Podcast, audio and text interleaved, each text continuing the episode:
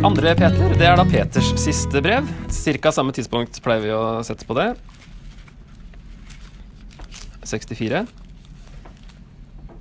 Han eh, sier ikke konkret hvem han skriver til, men eh, han eh, henviser til de han skrev til forrige gang, i 3.1. Dette er det andre brevet jeg skriver til dere.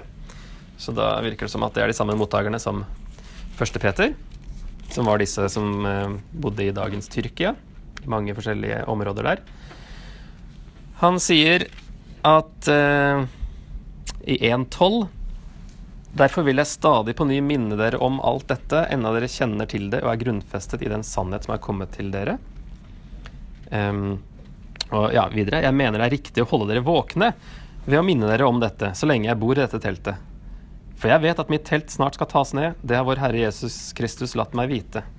Og jeg vil gjøre mitt ytterste for at dere alltid skal huske dette, også etter at jeg har gått bort. Så han er også klar på at nå er det snart slutt, og han må skrive ned noe som er viktig eh, å huske på, og eh, vekke dem opp og minne dem om det, som han sier her, fordi han snart skal dø. Og så sier han i 3, 1 og 2 eh, Altså dette er det andre brevet jeg skriver til dere. Med disse brevene ville jeg vekke dere opp, så dere fortsatt kan ha et rent og oppriktig sinn. Jeg ville minne dere om det de hellige profetene har sagt, og om det budet deres egne apostler har fra Herren og Frelseren. Så igjen, vekke dem opp og minne dem om det Jesus har sagt.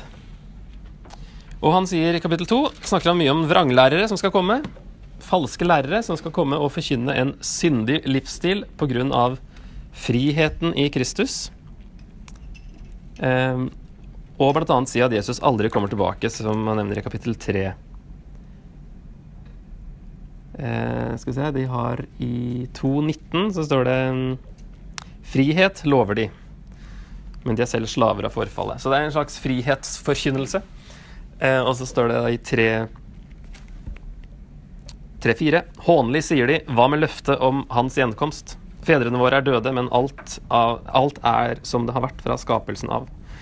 Så det er noe av det de sier. Og så er det kapittel to masse beskrivelser av deres uh, horrible livsstil og uh, dommen som uh, de da har i vente.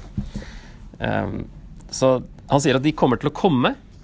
Det skal I 2.1 på samme måte skal det stå fram falske lærere blant dere. De skal lure inn vranglære som fører i fortapelsen. Til og med fornekte den herre som har kjøpt dem fri. Så det er jo litt alvorlig. Kanskje de har forvrengt Paulus sin eh, lære, og derfor han eh, Altså det med friheten og nåden osv., som Paulus må eh, korrigere i sine egne brev av og til. Skal vi da fortsette å synde så nåden kan bli enda større? På ingen måte. De har nok kanskje tolka det sånn. Og det er kanskje derfor Peter nevner Paulus, faktisk, i 3.15. Eh, det samme har jo også vår kjære bror Paulus skrevet til dere ut fra den visdom som er gitt ham, osv. Så, videre. så eh, her har vi faktisk en henvisning til, til, en annen forfatter. Det tror jeg ikke skjer så ofte. Han sier også det er vanskelig. Det er noe der som er vanskelig å forstå. Og de ukyndige og svake forvrenger dette, sier han om Paulus sine brev. Og han sier at Grunnen til at Jesus eh, drøyer med å komme tilbake, det er for at alle skal få en mulighet til å bli frelst i 3.9. Han er tålmodig med dere, for han vil ikke at noen skal gå fortapt, men at alle skal nå fram til omvendelse. Det er grunnen til at Jesus ikke kommer tilbake med en gang, eller ikke har kommet tilbake ennå. Fordi flere kan bli frelst. Og Poenget er da å vokse eh, i troen og leve i hellighet fram til det skjer. Det er liksom stort sett det de konkluderer med alltid når de snakker om Jesu gjenkomst. Så er det å leve hellige liv fram til det skjer, og alltid være klar for at det kan skje. Ikke prøve å finne ut når det skjer, eller når det skal skje, men bare være klar. Lev hellige liv. Det er liksom Stort sett den konklusjonen. Så det er det samme som han slutter med her i vers 11-15.